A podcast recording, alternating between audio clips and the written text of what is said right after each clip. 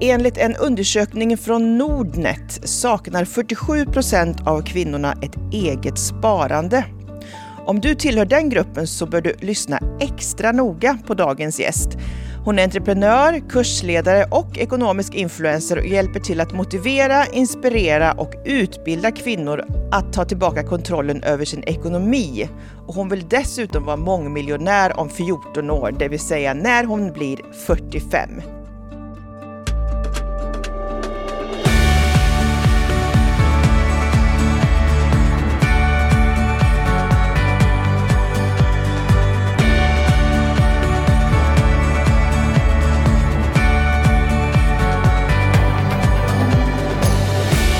Välkommen till Shoppa Lagom, Sanne.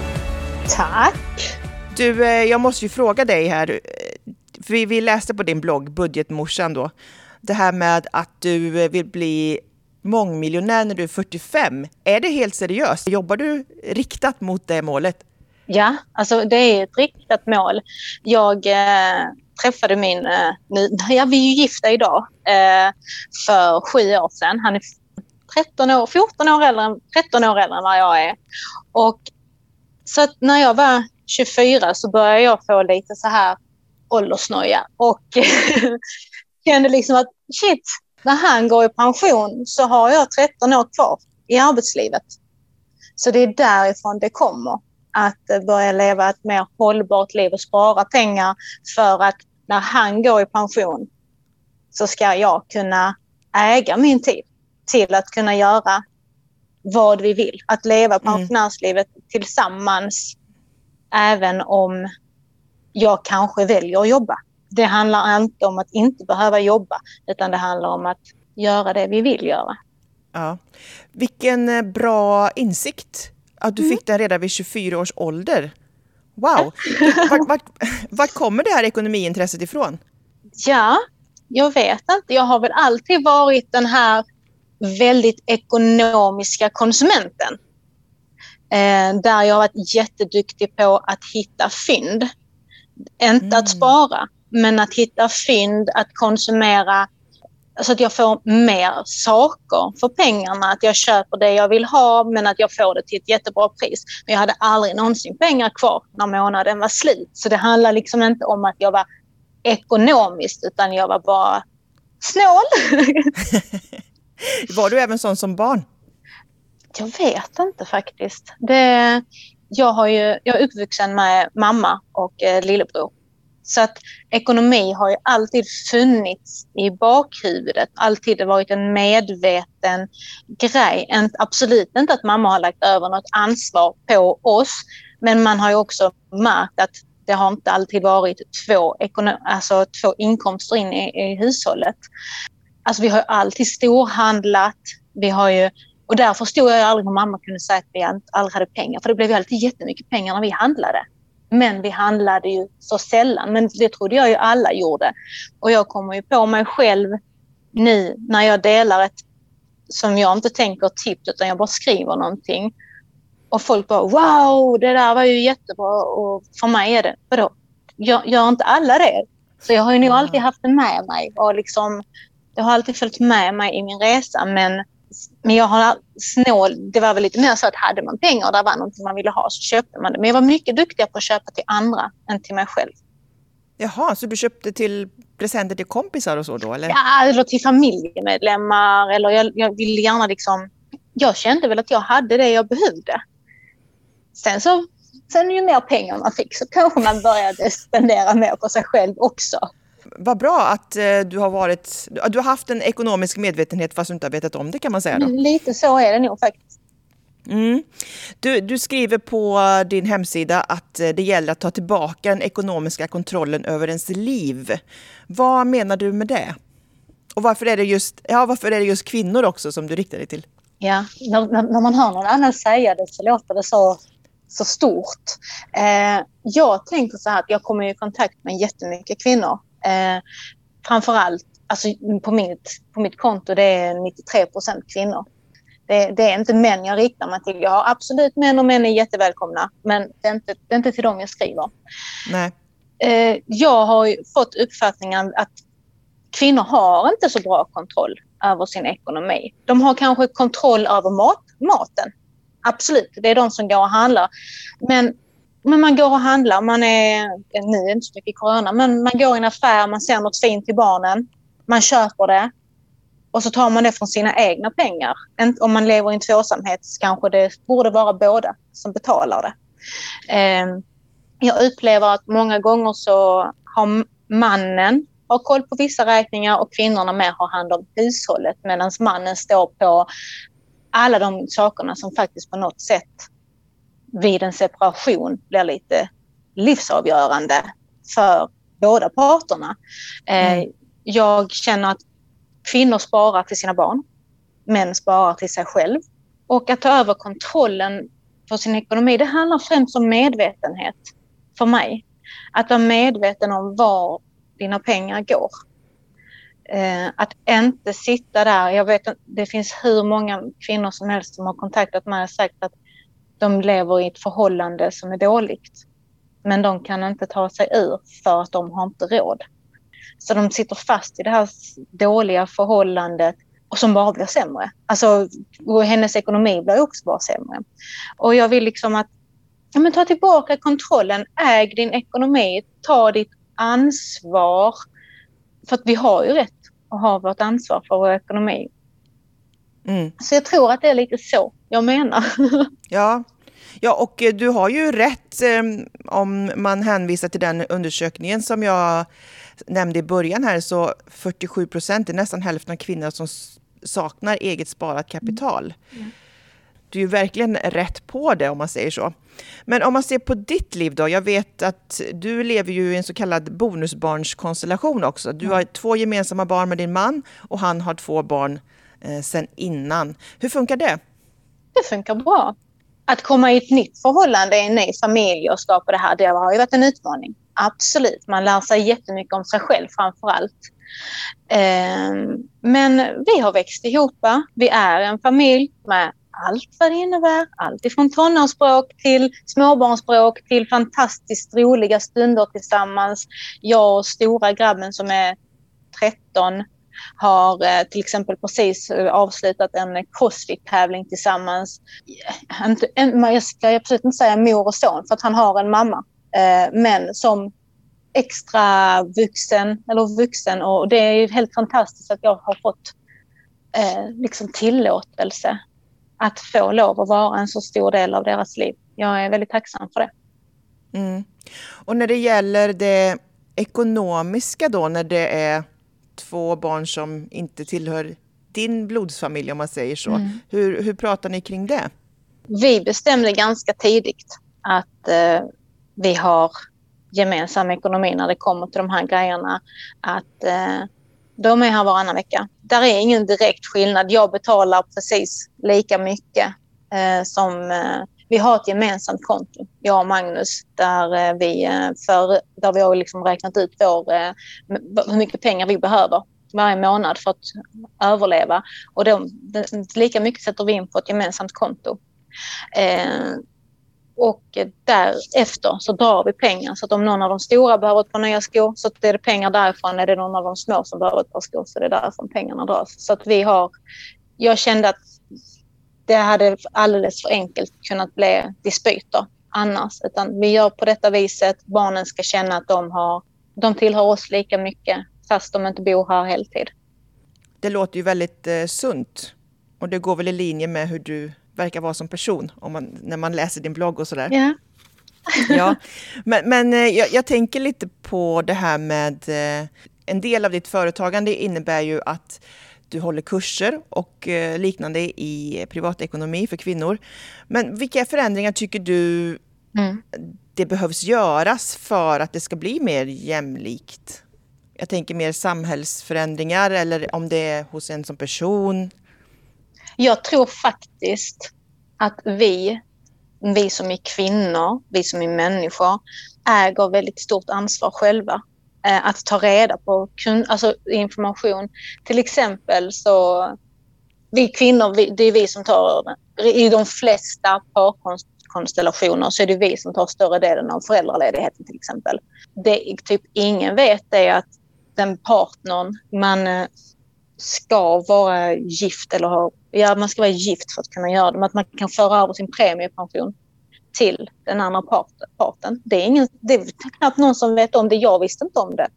Alltså där, där finns så mycket i vårt samhälle, tror jag, som egentligen är väldigt bra, men som av någon anledning inte är allmänt känt. Jag jobbar ju mycket på det här att göra saker och ting lättförståeligt. För ekonomi och alla ekonomiska ord och alla termer som finns. Det, det, jag tror det är mycket det som människor, kanske framförallt kvinnor, eller åtminstone de jag pratar med så som jag upplever det, att saker och ting känns så stort. Det är inte så stort, men om du inte har den kunskapen, förkunskapen till att förstå alla ord som man slänger med i den ekonomiska världen, så känns det stort och då blir det att nej men, jag har inte tid att sätta mig in i det också. Man liksom prioriterar familjelivet eller andra saker som man känner att man klarar av att hantera. Vi lever under sådan ständig stress överlag på att vara bra mammor, på att klara av både vårt hushåll, vårt jobb. Vårt, alltså, vi har så mycket i vårt liv redan. Så att ta tag i det här extra lilla grejen, jag tror det känns så mycket större. Man har ju börjat prata om eh, allt mer om ekonomiskt självförtroende. Hur tycker du man ska stärka det självförtroendet då? För mig så blir det väl liksom att ha koll på läget. Precis som alla andra självförtroende, att man går in i en sak och man... Alltså, I've got this. Jag har koll på läget. Jag behöver, det handlar kanske inte nödvändigtvis om att jag kan saken, men jag vet vad som förväntas av mig. Jag vet vad som ska göras. Eh, jag tänker att det behöver inte nödvändigtvis vara att man har en fungerande ekonomi, men att man vet vad... Alltså man är medveten om det. Mm. Kunskap är makt. Och jag tror väl att det är det som är ekonomiskt självförtroende också. Mm. Jag tror framför allt också att ekonomiskt självförtroende kan bara vara en sån enkel sak att du vet vart du ska ta reda på information. Att man börjar där. Mm.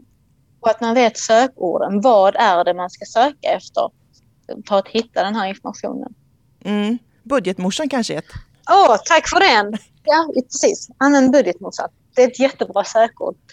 Eh, det jag tänker att det beror lite på vart, vad du vill, vill med det här. Liksom, det, att skriva spara pengar så kommer du få hur många ord som helst. Eller vad ska vi äta till middag eller billig mat. Alla de här grejerna, där finns ju en uppsjö av grejer. Där är en sån här grej. Jag är ju bara en vanlig mamma, en vanlig kvinna. Jag har inte någon högskoleutbildning i ekonomi eller liknande. Och det har jag aldrig utgett mig för i heller, utan för mig handlar det om att jag berättar för folk hur man kan få vardagspusslet att gå ihop. Mm. Som sagt, du har ju många följare på Instagram och eh, din blogg och sådär. Vad brukar vara de vanligaste sakerna folk skriver till dig? Var börjar man? Tror jag är den absolut största frågan och jag har precis skrivit ett inlägg om, eh, det har inte postats än tror jag kanske, eh, om det här att målet med resan behöver inte kanske nödvändigtvis vara ankomsten utan det kanske är starten. Och att börja handlar om att ha kontroll eller koll på läget.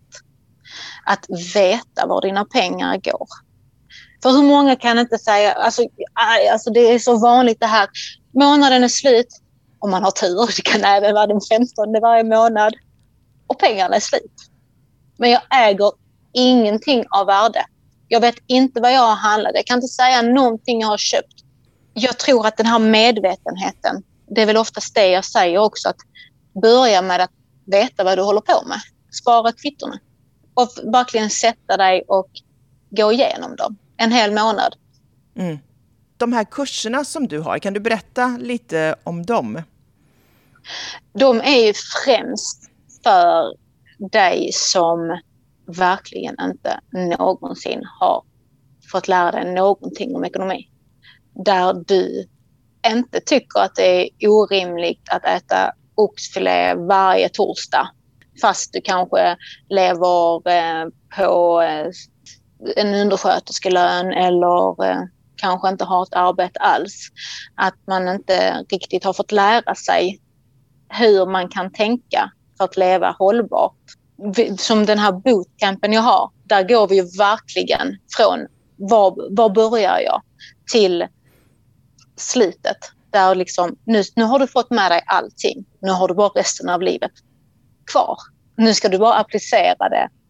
Och det är egentligen där den stora resan börjar.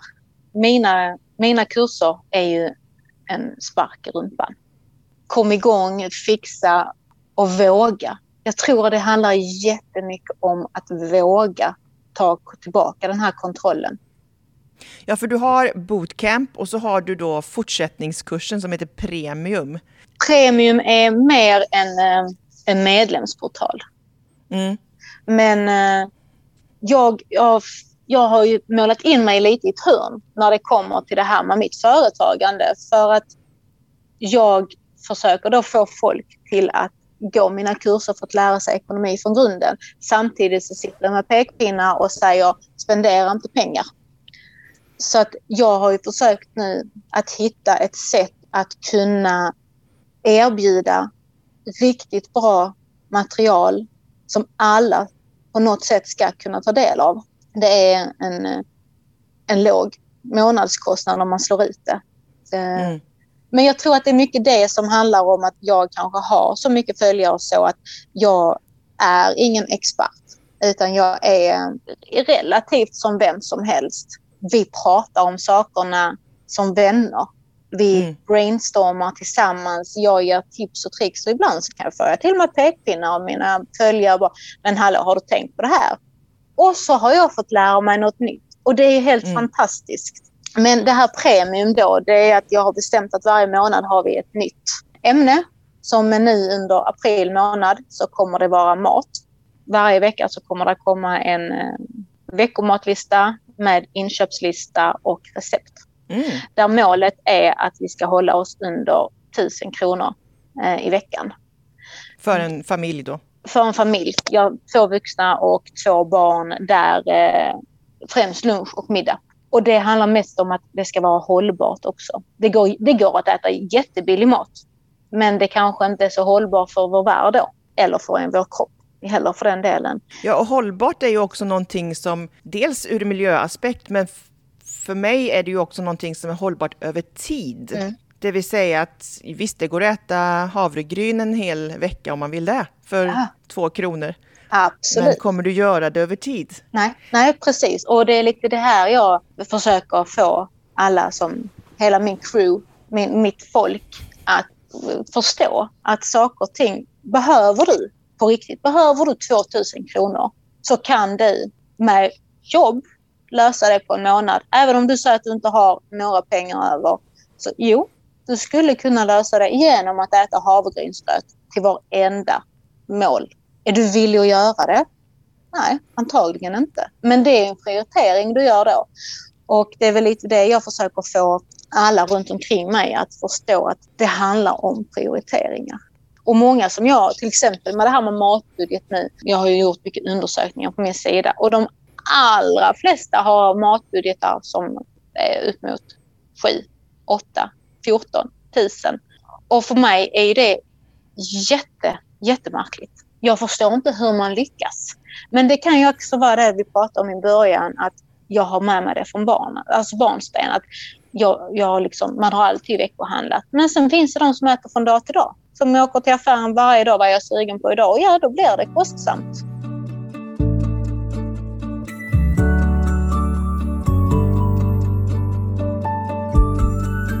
Men det här är ju intressant då med med just eh, hållbarhet över tid och så.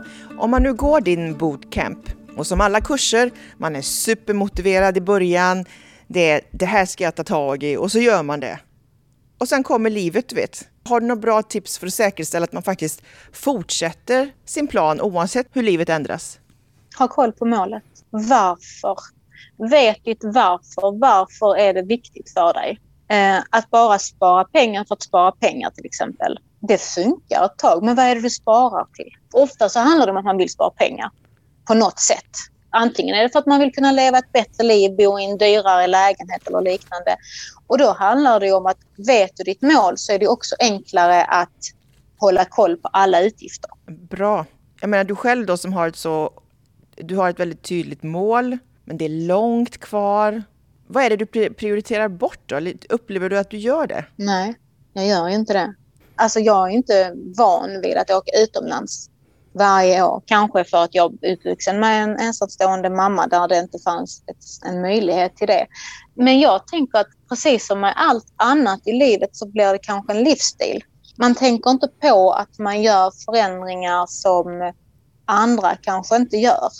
Jag upplever inte att vi har det sämre än vad våra grannar eller våra vänner har. Det handlar väl mer om att vill vi ha en... Eh, vi planerar till exempel att köpa en ny TV. Min man har tjatat om en ny TV sedan vi träffades för sju år sedan. Men man låter det ta tid. Det är så att det som vi kanske inte gör, det är det här spontana. Vi åker inte bara och köper en. Äh, vi kan absolut göra det. Det är inte så att vi inte har pengar. Vi tjänar relativt bra båda två. Jag har till och med valt att gå ner i tid eh, från mitt lönearbete för att kunna dels göra mer med budgetmossan och dels för att jag vill ju vara med mina barn. Och det är en jättestor motivation för mig också. Ska man vara lite så här eh, lite jobbig så kan man säga att jag prioriterar inte bort någonting utan jag prioriterar fram mina barn. Jag mm. prioriterar mm. fram eh, tiden. Jag prioriterar fram att leva tillsammans med min man på en ledigare, på ett friare sätt eh, längre fram. Och det betyder inte att vi inte lever idag. Vi gör jättemycket tillsammans idag också. Så att det ena utesluter inte det andra för oss i nuläget. Och det tror jag är viktigt också att vara medveten om. Men vi väljer att göra sakerna medvetet. Mm. Är han likadan som dig? Nej. Nej. Nej. Nej. Han, han, sparar. Han är jätteduktig på att spara. Han har ett sparkonto. Han är inte alls lika intresserad av eh, fonder och aktier. Sen sparar vi gemensamt också. Eh, och det är jag som har hand om det gemensamma sparandet. I början var det lite så att han lät mig hållas. han bara, ja, ja okej, men gör du detta. Sen, sen har det blivit en livsstil. I början när jag började prata om alla sakerna så kanske han tyckte det kändes lite läskigt och lite stort och lite svårt. Eh, när jag började prata om att jag ville odla nästan all, alla grönsaker vi äter under sommarhalvåret. När jag pratade om att vi kanske skulle bli av med lite bilar. Han, han tycker väldigt mycket om bilar. Han är, han är en stereotypisk eh, meckarsnubbe med hoj och bilar och allt som egentligen kanske inte är så hållbart. Men det är hans intresse och det måste han få lov att ha. Däremot så gillar han också att göra film. Han tycker också om att göra det här och han har väl också insett att det är inte så svårt. Det, är inte, det ändrar inte vår livskvalitet någonting. Eh, kanske för att det inte är han som planerar allting heller så han vet inte hur mycket arbete som kanske har legat bakom de olika grejerna. Nej, vi, vi, det, vi har blivit ett riktigt bra team och jag tror att det på något sätt är viktigt och även om man kanske som här nu att han inte är lika intresserad av det som jag så har han aldrig någonsin varit negativ till utan han har låtit, alltså han har ju varit med mig i resan ändå mm. fast att det kanske har varit mitt intresse. Precis som att jag är med honom i hans mc-kortsresa men till exempel eh, om eh, han en dag då kommer hem med en ny bil att mecka på. Känner du irritation kring detta eller låter du bara vara?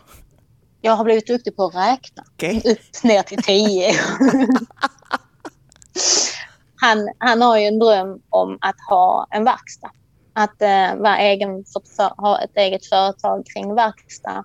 Och han är extremt händig. Han är verkligen allt som inte jag är och vi kompletterar varandra perfekt. Ja, vi har ju våra egna pengar också. Och där känner jag väl lite att vi har kommit överens om vad som är viktigt för oss. Vi har en, eh, en budget som är liksom oh fuck budget. Någon av oss blir sjukskriven, någonting händer, vi blir av med våra jobb hur mycket pengar behöver vi för att kunna bibehålla den levnadsstandarden vi har idag utöver då våra fickpengar och liknande. Och vi kom fram till att det är ungefär 25 000 kronor. Det är en lön vi behöver för att klara oss. Mm. Pengarna utöver det, det är våra. Så att vill han lägga alla sina pengar på bilar som han vill mecka. Men då får han lov att göra det. Det är liksom mm. precis som att jag får lov att... Jag ska till exempel tatuera mig. Jag ska göra en sleeve nu. Det kan ju också vara en sån grej som, jaha, det är inte så himla ekonomiskt. Men det är här, vi, kan inte, vi, vi vill ju inte sluta leva. Vi vet aldrig vad som händer imorgon och vi är jättetacksamma över att vi kan spara så mycket som vi kan idag. Men vad som händer imorgon, det kan varken han eller jag eller någon annan berätta för mm. oss. Men det låter verkligen som att ni har hittat ert lagom, vilket hela den här podcasten går ut på. Mm. Jag tror mm. att vi har det faktiskt.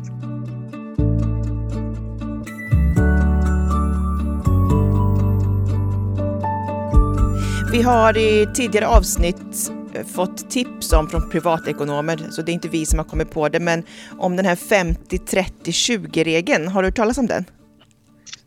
Mm, ja, lite. Går ut på att 50 procent av din nettoinkomst ska gå till fasta avgifter såsom mat, boende, det livsnödvändiga. Mm. 30 procent kan du göra nöjen, resor, vad du nu vill, ens liv. Mm. Och 20 procent ska gå till sparande. Mm. Det är en ganska hög procent på sparande.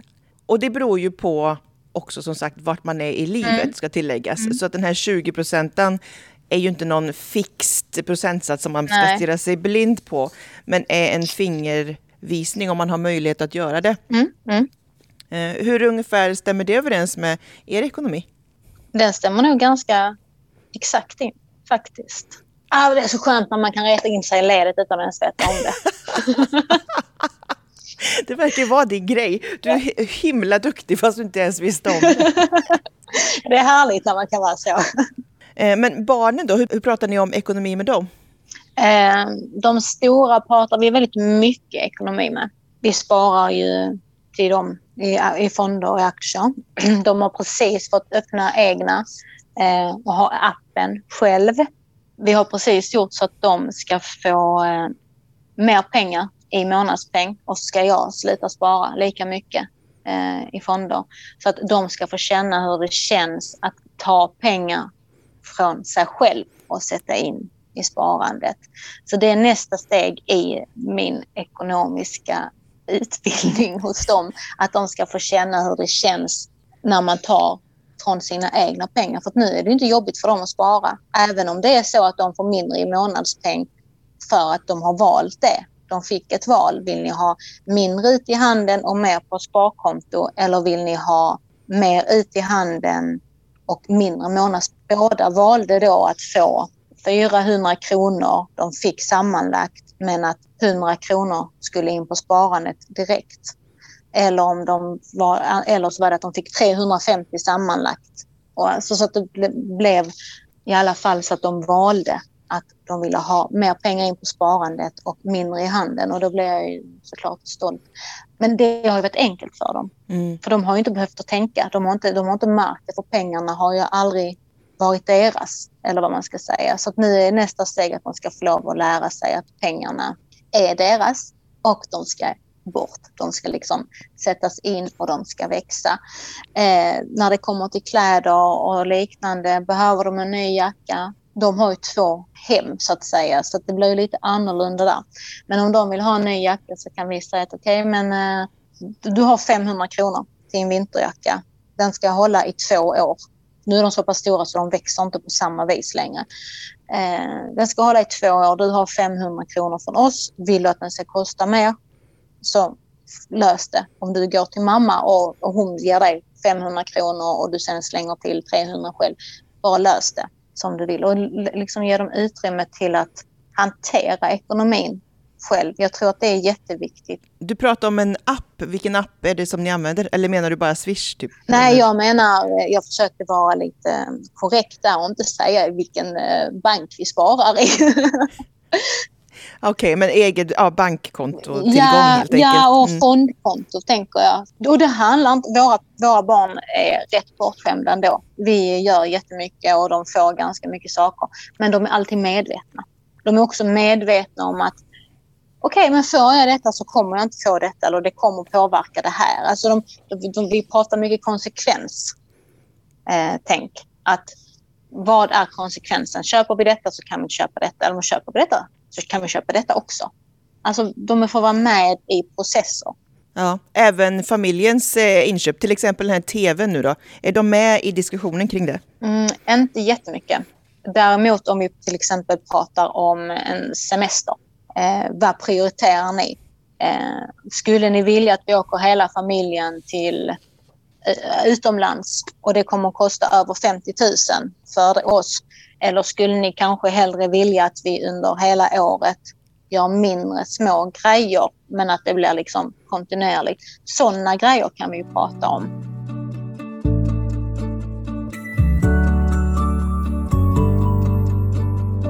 Vad är ditt bästa respektive sämsta köp? Alltså, vår robotdammsugare, den är för himla bra. Det, var en sån grej, jag köpte det till, till familjen som eh, en bröllopsgåva till mig och mannen. För det, det ger oss så mycket tid. Så länge det är uppröjt så kan vi liksom starta dammsugaren när vi går hemifrån och så kommer vi hem och slipper. Det, det, det är verkligen ett sånt här väldigt egentligen oekonomiskt köp som har gett oss så mycket mervärde. Där tänker jag ju, jag tänker mycket PPA, pris per användning. Hur mycket kommer det här? Vad ger det mig för mervärde? Jag vet att många var jättemycket emot att vi skulle köpa den här um, robotdammsugaren. Så därför köpte jag den som present för då kunde han inte säga någonting. Åh, det sämsta. De sämsta inköpen är de jag inte riktigt är medveten om. Kan, man, kan jag säga, jag tror att det faktiskt är så att som inte har gett mig något mervärde. Först var ju ett dåligt köp att det var rea. Jag ville ha en specifik tröja från ett speciellt märke. Men den tröjan jag ville ha var inte på rea. Så då köpte jag två tröjor för samma kostnad som den tröjan jag ville ha. Och sen hade jag två tröjor som jag inte riktigt tyckte om. Men det var rätt märke. När jag lika gärna kan köpt den tröjan jag ville ha för samma pengar och använt den. Och, eh, mm. Så det är ju extremt dåliga köp när man tycker att ja, men jag får mer för pengarna. Ja, fast får du det? Kommer du använda till exempel de där två tröjorna? Mm. PPA igen ja, där. Ja, exakt. Slutligen då, Sanne budgetmorsan Ek. Vad är dina tre bästa tips för att hålla sig ekonomiskt medveten? Mina tre bästa tips för att hålla sig ekonomiskt medveten, det är ju främst hålla koll, göra sin budget eh, så att du vet var dina pengar går. Och sen är det att välja vad som är viktigt för dig. Och prioritera dig själv också. För att det är då det blir medvetet och det är då det blir hållbart. När du fortfarande tillåter dig själv att göra saker. Och sen det här med PPA. Tänk PPA. Vad är varan värd? Och det kan vara allt ifrån vad kostar den pris per användning? Men jag tänker också, jag väljer ju att ha min egna tolkning. Till exempel pris per användning eh, eller hur mycket behöver jag jobba för att den här ska vara min? är det värt att jag är på jobb två timmar extra för att köpa den här? Till exempel. Eller hur mycket pengar kommer det vara värt om 20 år om jag sätter in det på fonder? Mycket bra. Och dig kan man följa på? Budgetmossan eh, på Instagram eller på budgetmossan.se på, eh, som hemsida och blogg. Stort tack Sanne och lycka till med att bli helt ekonomiskt oberoende vid 45 års ålder. Tack så mycket. För fler tips, råd och verktyg om hur du hittar ditt lagom, besök shoppalagom.se. Shoppa Lagom är ett initiativ av Alectum Group.